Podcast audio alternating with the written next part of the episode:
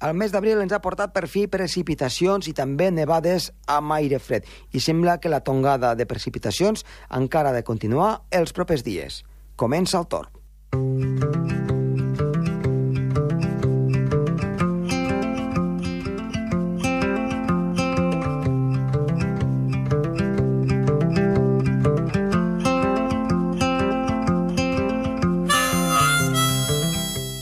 Doncs sí, el mes d'abril ens ha portat de moment precipitacions, fred i per tant molt bones notícies pels camps de neu.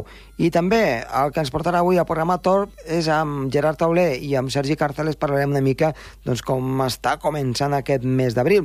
I en David Comas ens parlarà en aquest cas del que està passant al planeta Tità. Tot això amanit amb la previsió meteorològica. Som-hi!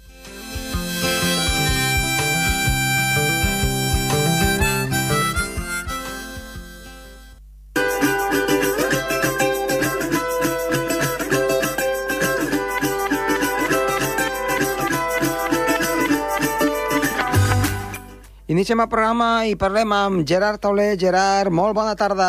Oh, bona tarda, Josep Tomàs. Doncs bé, ja han començat a l'abril i a l'abril el que diuen aigües mil, i aquí ja han començat, com, eh, si més no, amb força precipitació, si més no, al Pirineu, nevades i una mica més de moviment meteorològic, que després de dos mesos, Gerard, eh, febrer i març, que les hem vist les hem vist uh, anticiclòniques, Oi, no? Gener també ha. També, Sí, també, també. anticiclònic. Bé, aquí vam tenir una nevada, eh? El gener... Sí, bueno, aquí a, a, a, a Girona és que portem quatre mesos que han sigut els més secs des de l'any 1906. Des del 1906. Sí, desembre a març, sí. Per Només tant- pogut 32 litres a Girona. Per tant, més de 100 anys mm, de que no teníem un període aquí a... Tan secs i a, a l'hivern, desembre a març. Sí. Mm, Déu-n'hi-do. I, a veure, doncs, eh, mira, eh, deixem això enrere i, i el mes d'abril. El mes d'abril, com, com es dibuixa? Quines les, les característiques? Doncs és, és un mes que normalment plou força dies. Aquí a Girona és el mes que plou més dies de l'any i, Mm -hmm. i de fet a, a, a gran part de Catalunya plou més que el mes de, de, de març. Mm -hmm. No, no és pas el mes més plujós de la primavera, normalment és el mes de, maig el més plujós, però déu nhi Mm -hmm.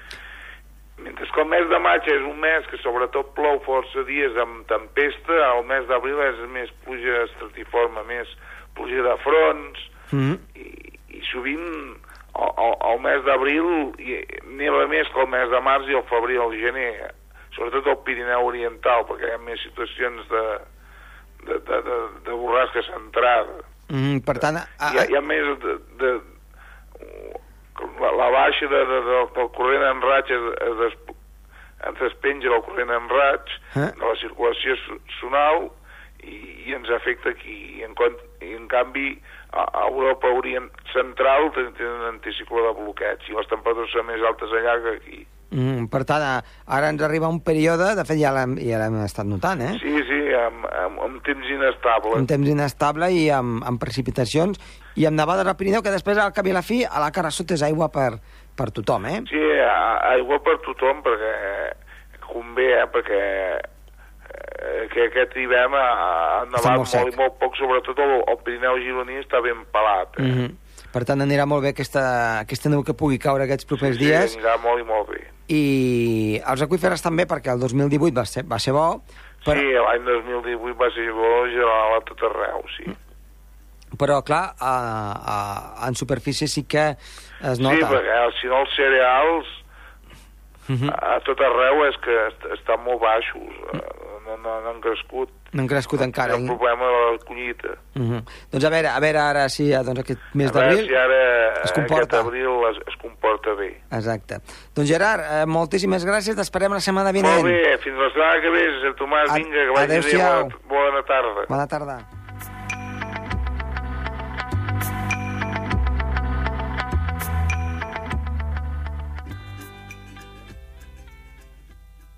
El Torb, amb Josep Tomàs.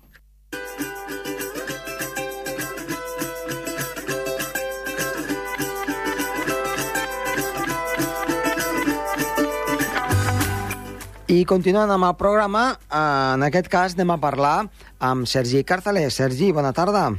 Bona tarda.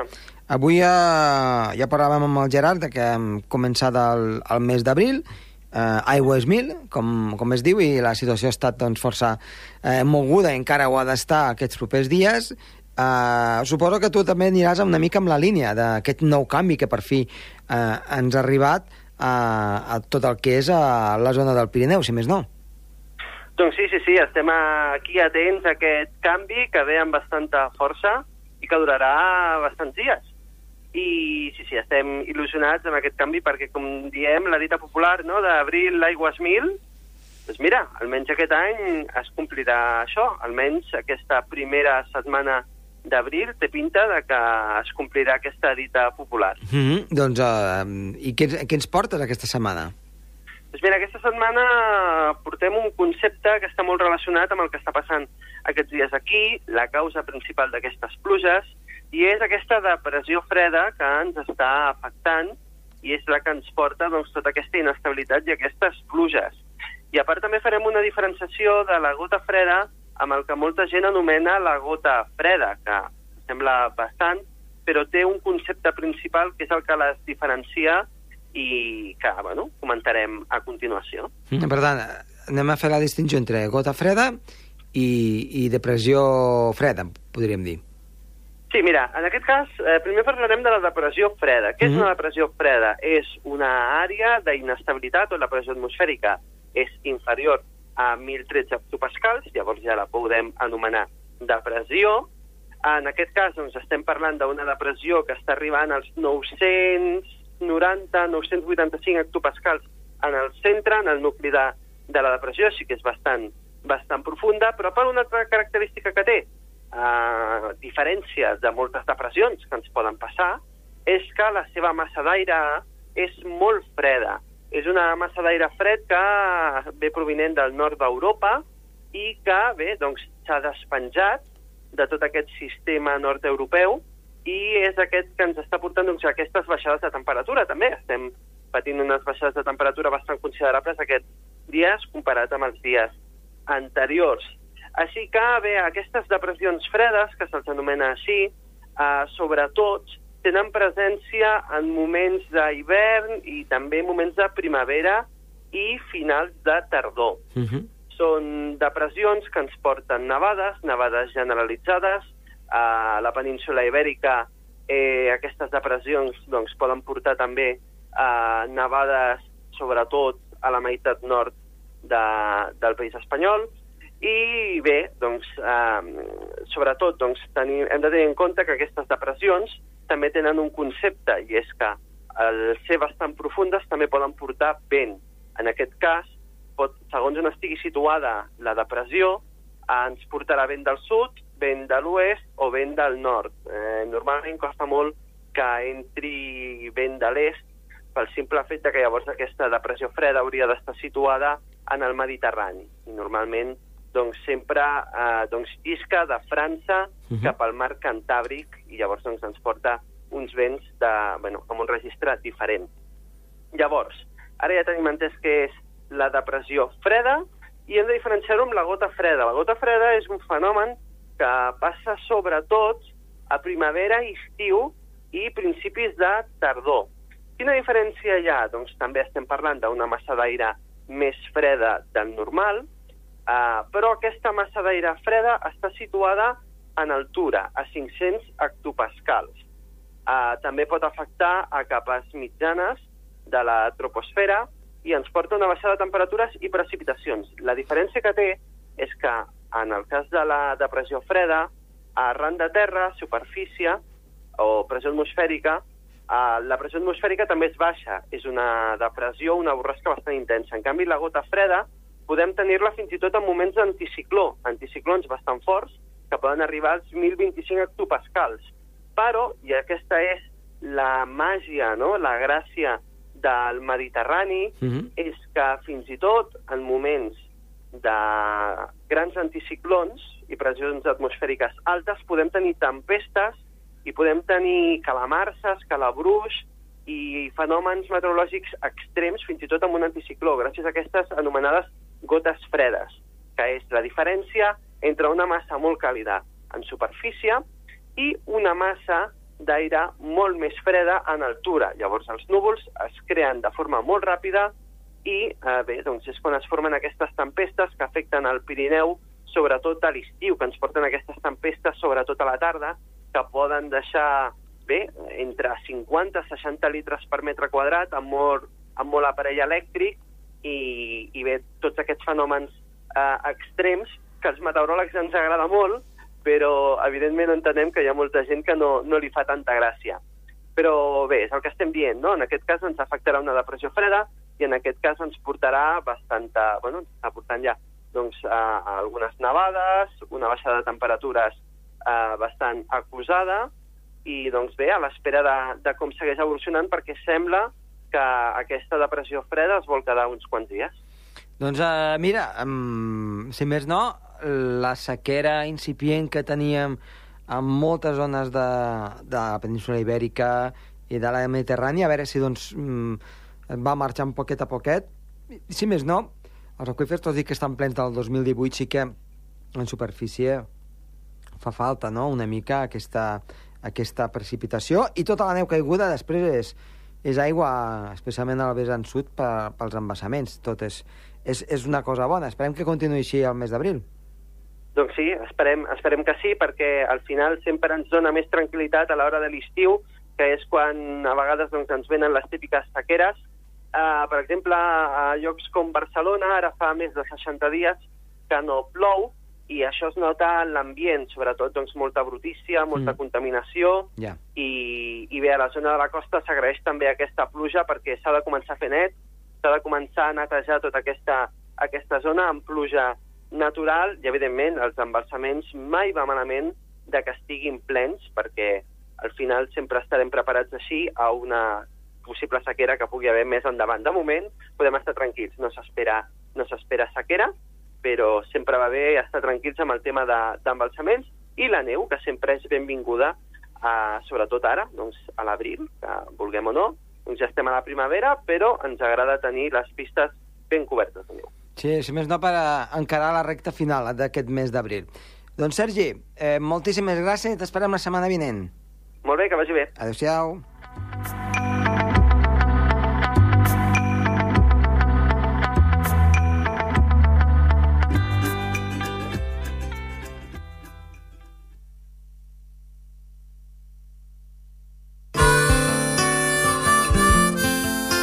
El Torb, amb Josep Tomàs.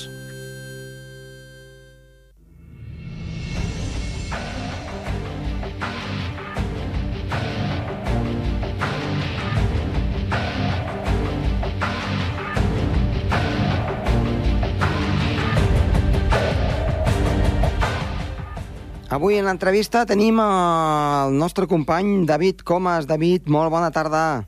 Bona tarda, com estem? Doncs molt bé, aquí amb, amb, amb unes temperatures fresques, però uh, avui el tema que ens portes també, no sé si serà de fresca o no, però crec que ens anem cap a l'espai.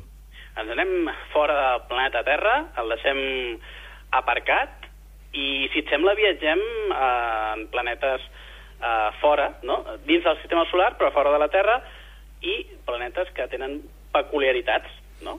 que tenen atmosfera Uh -huh. i, per tant, tenen els seus propis uh, clima i peculiaritats. Doncs eh, em sembla molt interessant. Doncs bé, doncs si et sembla, som-hi. Um, per atmosfera uh, entenem no? que la Terra té atmosfera, però també la trobem a Venus, a Mart, a Júpiter, a Saturn, a Urà, a Neptú. Hi ha un cas molt curiós, Josep, Mm. i bastant paradigmàtic, que és el cas de Tità, que és la lluna uh, més gran de Saturn. Uh, Tità és, la, uh, és el satèl·lit més gran dels 62 satèl·lits que té uh, Neptú. Um, Déu-n'hi-do. és, el, és el satèl·lit del sistema solar amb una atmosfera més densa, Sí? i evi- evidentment quan parlem d'atmosfera eh, parlem d'atmosferes amb gasos que no permeten vida humana Uh -huh. però sí que formen núvols i sovint eh, núvols de matar Uh -huh. Tità eh, posseix una atmosfera amb una molt alta proporció de nitrogen eh, de fet volta el 85% i també és un nitrogen barrejat amb metà eh, Tità és a més l'únic cos del sistema solar a part de la Terra on s'hi pot trobar líquid de manera estable sobre la superfície. Però, però no serà perquè la temperatura és alta, no? És molt baixa, però Eh, al matar, aleshores? a aquesta, amb aquestes pressions i aquesta temperatura tan baixa, Uh -huh. Eh, el líquid que trobem és metà. Eh, clar, a la Terra el líquid que trobem és aigua, Sí. però en el cas de Tità trobarem eh, llacs i rius de metà, metà en forma líquida, déu nhi que aquí, clar, només es troba en forma gasosa. correcte? Uh -huh. Les altres pressions i el fred produeixen doncs, aquestes pluges de metà. Eh, de fet, aquest descobriment eh, va venir a lloc eh, amb un llançament d'una sonda que va ser l'octubre de l'any 1997 des de Cap eh, Canyaveral, una nau no tripulada, es va enviar cap a l'espai per observar el planeta Saturn i els seus satèl·lits, que compta, ja ho hem dit, eh, són 62 Déu-n'hi-do. milions i menys. Aquesta sonda va fer molta feina. Uh, aquesta sonda va rebre el nom de Cassini i Huygens i bé, va, va ser llançada el 97, va arribar a l'òrbita de Júpiter cap a l'any 2000, però allà s'hi va estar poc. Va prendre algunes captures, algunes medicions, però eh, el seu camí era Saturn i va arribar a Saturn l'any 2004, però no va ser fins al 2005, més concretament al gener del 2005, quan va arribar a Tità. La sonda Cassini doncs, ha estat vital per entendre molts factors dels anells de Saturn i els seus satèl·lits. De fet, va estar estudiant la zona fins l'any 2017. Vull dir que 12 anys d'estudis Donen per a- molt, eh? aquelles contrades. També, Josep, clar, arriba un moment que el combustible s'acaba. Uh -huh. El pressupost astronòmic eh, de 3.260 milions de, de dòlars es volatilitza, eh, explota literalment eh, el 15 de setembre del 2017 i ho fan a les capes altes de l'atmosfera de Saturn. Però es volatilitza literalment a l'espai, s'autodestrueix, i és que es creu eh, que davant de la possibilitat de que Tità i Enceladus, Enceladus és el sisè satèl·lit més gran del planeta Saturn, hi hagi vida, es decideix destruir l'aparell a l'espai exterior per no contaminar, diguéssim, aquests dos, aquests dos satèl·lits que poden albergar vida, no sabem fins a quin punt, eh, però sí que eh, a nivell de micro, microbiòtic sí que sembla que pot, eh, poden haver-hi condicions per a vida. No sabem el tipus de vida que hi ha cap a la zona, Sí, sí, sí. però sí que sabem que a l'abril del 2017, abans de fer esclatar aquesta sonda, la sonda Cassini, s'informa des de la NASA Mhm. que hi ha fumaroles, fumaroles i geysers que expulsaven eh, vapor suposadament, suposadament, d'aigües des dels seus oceans que estan força, força quilòmetres per sota de la superfície. Mm, Llavors podien ser eh, d'aigua líquida, diguem-ne, en aquest cas. És possible, és possible. Ells, ells van fer unes medicions i els hi va semblar que, Mhm. que podia ser vapor d'aigua. El que no està clar és si és d'aigua o és de matar, però, però bé, mm, alguns, eh, algunes, eh, alguns estudis indiquen que pot ser que fos eh, vapor d'aigua. Mhm. El que passa, clar, les, les condicions també d'Enceladus eh, són molt variables, hi ha 200 graus sota zero Mhm. a la superfície, per tant, vapor d'aigua tampoc sabem ben bé fins a quin punt I seria possible. ta- també té atmosfera, se suposa, no? Correcte. Eh, Enceladus eh, té atmosfera, Tità també, tots els altres satèl·lits, doncs els 60 que resten, eh, doncs no tenen cap tipus d'atmosfera, Mhm. al igual que la Lluna, en el nostre cas, la Lluna terrestre. I bé, mm, les tempestes de Tità són ben visibles des de l'espai, hi ha imatges extretes de la sonda Cassini, són tempestes elèctriques que es concentren als pols Sí. de- d'aquest satèl·lit i és la zona on, on, on hi ha més, i és on hi ha més quantitat de llacs de metà. Uh -huh. Hi ha, hi ha aquesta relació, on hi ha més metà, on hi ha més metà líquid en forma de llac, és on hi ha més eh, tempestes elèctriques. Mm, per tant- No pas per cumulonimbus, Sí, sí. però sí que eh, per diferents gasos, diferents reaccions, s'ha pogut eh, veure doncs, com hi ha descàrregues elèctriques fora del planeta Terra. Per tant, eh, um, es formen núvols de metà i, a més a més, amb descàrregues elèctriques com si fos una tempesta i, a més a més, hi ha precipitació en forma de metà. Correcte, sí, sí. pluges torrencials de matar Mhm. eh, que passen doncs, als pols, al pol nord i al pol sud d'aquest satèl·lit eh, doncs, tan interessant com és Tità, com és Tità, no? Eh, llavors, eh, bé, mm, la llàstima va ser aquesta, que el 2017 aquesta sonda ja doncs, no tenia combustible i la van, la van haver de, de liquidar, diguéssim. Però, sens dubte, si haguessin tingut més temps per, Per estudiar-ho, clar. per estudiar-ho tot, doncs haguessin tingut encara més sorpreses. Doncs, doncs déu-n'hi-do, eh? Amb, amb, amb el que hem descobert avui, eh, ens fa pensar de que mm, estem estudiant l'univers, Mhm. estem estudiant eh, els exoplanetes, però ben a prop nostre encara tenim molt per descobrir. Sí, sembla que hi ha cosetes interessants ben a Sí. prop. Sí, així és. Doncs, eh, David, moltíssimes gràcies i t'esperem una propera vegada perquè ens acabi d'explicar una mica tot això tan interessant que tenim doncs, aquí al costat del nostre sistema solar. Gràcies i fins la propera. Perfecte, Josep, moltes gràcies. Adéu-siau.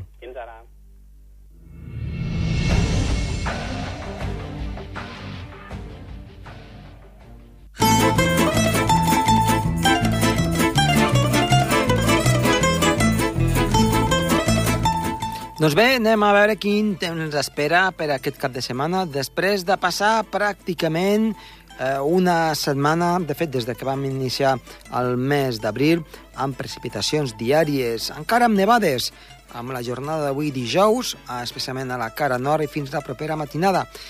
Divendres, cada cop més clarianes, això vol dir temperatures que han d'anar a poc a poc remuntant, tampoc massa, perquè farà força fred a l'alta muntanya. I pel que fa a dissabte, la situació ha de ser clarament assolellada. Per tant, un matí fred, però un migdia i una tarda en què seran força agradables també a l'alta muntanya. Atenció, precaució amb el perill de llaus, revisin sempre abans de sortir a la muntanya quina és la situació. Pensem que s'ha acumulat entre mig metre i en algunes zones més de 80 centímetres de neu durant aquests eh, primers 10 dies del mes d'abril. La mateixa situació per diumenge, on les temperatures fins i tot poden pujar una miqueta més, però ja no pujarien més, es quedarien aquí, i per tant amb un dia força assolellat i a la tarda augment dels núvols. La setmana que ve ens portarà una situació més variable, especialment a partir de dimarts, sembla que entre dimecres dijous podria arribar alguna calta pertorbació una mica més activa, tot i que encara queda força lluny. La situació no serà ni molt menys anticiclònica, serà de variabilitat, que és el que toca per un mes d'abril.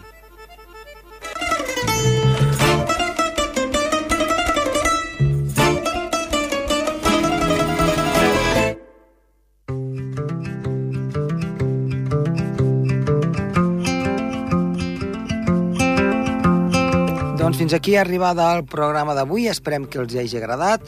Està, està de les vies de so Oriol Trugi, que els ha parlat amb molt de gust. Josep Tomàs, adeu-siau.